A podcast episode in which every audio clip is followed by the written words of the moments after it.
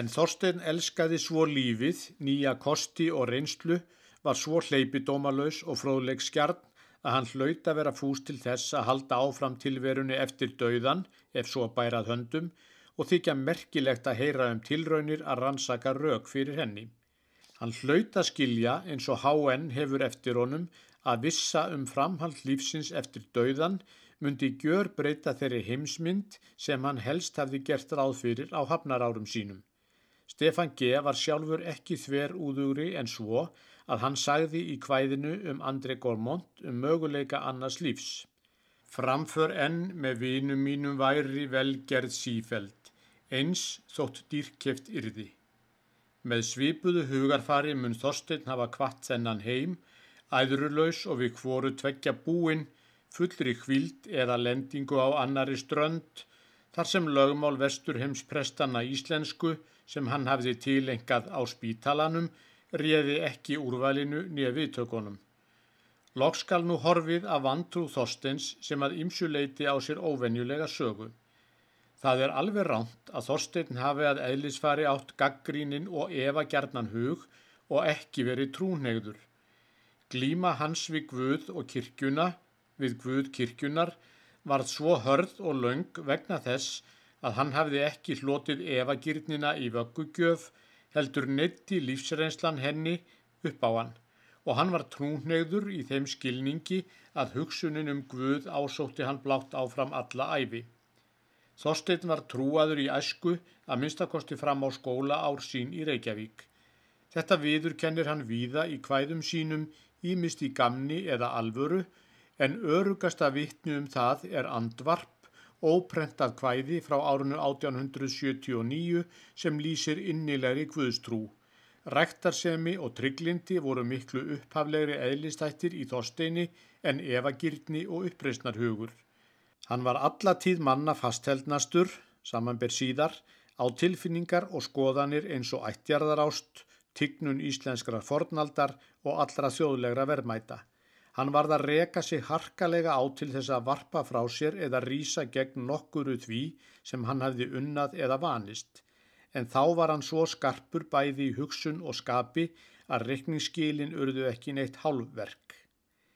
Vitanlega hlaut Þorstein að verða fyrir áhrifum þeirrar vantrúar öldu sem stafaði frá Georg Brandes og var samfara þjóðfélags olgunni á hafnar árum hans en sú vantrú var af ymsum rótum runnin og lísti sér misjaflega. Efnisíkjumenn lítu á Guðstrúna sem heimsku og hégóma. Fyrir flesta fylgismenn brandesar var hún yfirleitt ekki umhugsunar virði. Vísindin höfðu gert út af við hana á sama hátt sem trúna á að jörðin væri flött og stjörnurna snýrust um hana eða mís kviknuðu úr dauðu efni. Það var auðgert að losna við hann að sársauka löst fyrir léttlind eftirlætis börn örlagana. Af þeim verðandi mönnum virðist Hannes Hafstein hafa hugsað lítið um trúmál. Einar Hjörleifsson helst hafa sakna vonarinnar um lífið hínum eigin. Gestur Pálsson láti sér næja að sína harðýðki og ræstni prestanna en láti Guðstrúna líkja á milli hluta. Fyrir Þorstein Erlingsson var Guð aldrei hegiljan einn heldur vandamál og framaröllu síðferðilegt vandamál. Uppreist hans gegn kirkju og prestum sem var fremur miðu við estrúpstímana í Danmörku en endurminningar hans frá æsku áronum var honum auðsótt. En hann gatt ekki numið þar staðar vegna þess að hinn gamla Guðs hugmynd satt fast í honum. Jakob sagði við Jehova, ég sleppi þér ekki fyrir en þú blessar mig. Þorstein hefði getað sagt, Ég sleppi þér ekki þótt þú blessir mig ekki.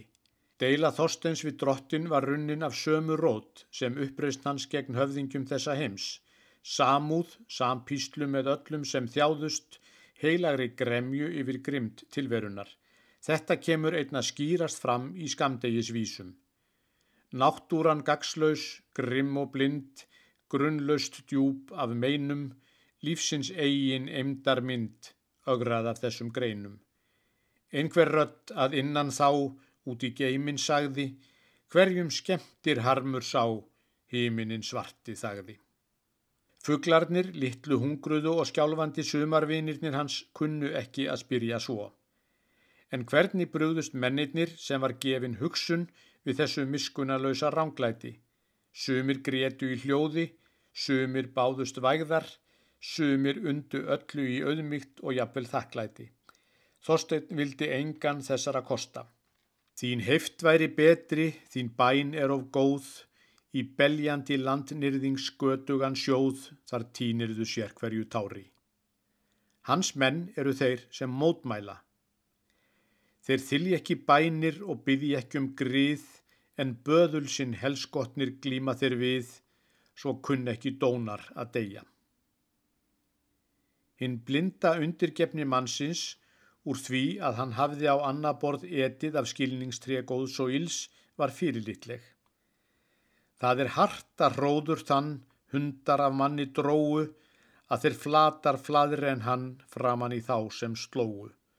Þrælslund aldrei þrítur mann, þar er að taka á nógu, hann gerði allt sem hundur kann, hefðan aðeins rófu. Einmitt af því að Guð hafði verið meira fyrir Þorstein en tóm prestavilla varð uppreysnin gegn honum örðugri og harðari. Hann tróð illsakar við Jehova, til dæmis í örlögum Guðanna, þar sem kristninni er kent um ófarnað Íslendinga á síðari öldum. Óðinn og æsir tekni fram yfir hinn að kristnu Guði. En undir bjó ykkur um að uppreysnarkjarkin kynni að þrjóta undir ævilokinn samanber síðasta erindi kvæðisins á spítalanum. Vegna þessa ugs var Þorstedt sífelt að minna sjálfan sig á að slaka ekki til. Hann kom heim til Íslands og þar var öðruvísi umhors enn í Danmörku, öðruvísi en hann mun hafa hugsað sér. Á Íslandi var ekki hægt að hveða svo.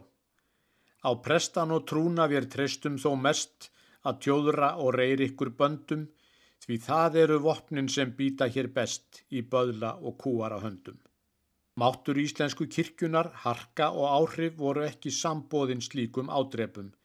Þetta myndi eitt hafa verið næg ástæða til þess að Þorstein hætti smám saman að nenna að áreita kirkjuna eins og ádeilur hans yfirleitt fóru þverrandi eftir heimkomuna. Hann hafði ort ljónið gamla í höfn 1893 en ekki látið prenta kvæðið í eldstu þyrnum. Árið 1904 eigur hann það og endur kveður og bætir meðal annars við nýðurlæginu. Við treystum hér ekkert á apan nýja sögðin en uppdráttarsíkin er viss eins og döðin. Ljónið gamla á kvorki við neitt einstakling nýja stopnun heldur yfirleitt allt við forna kúunarvald. Það hefur lifað sitt fegursta á fyrir sér að verða sjálfdött þó að líðurinn sé heimskur og meinlaus.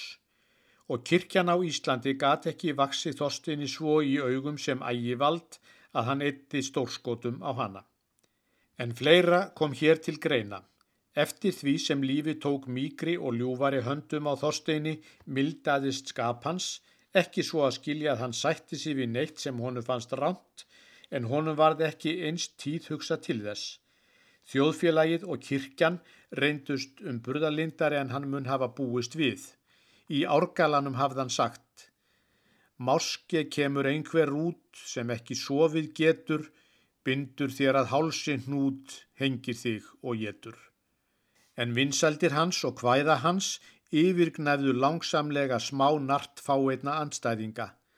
Hann hafði skorað yfirvöld og almenningsálita á holm með því að láta ástina eina helga hjónaband sitt og guðrúnar og leita ekki annars innsiglis og börn sín skýrði hann sjálfur.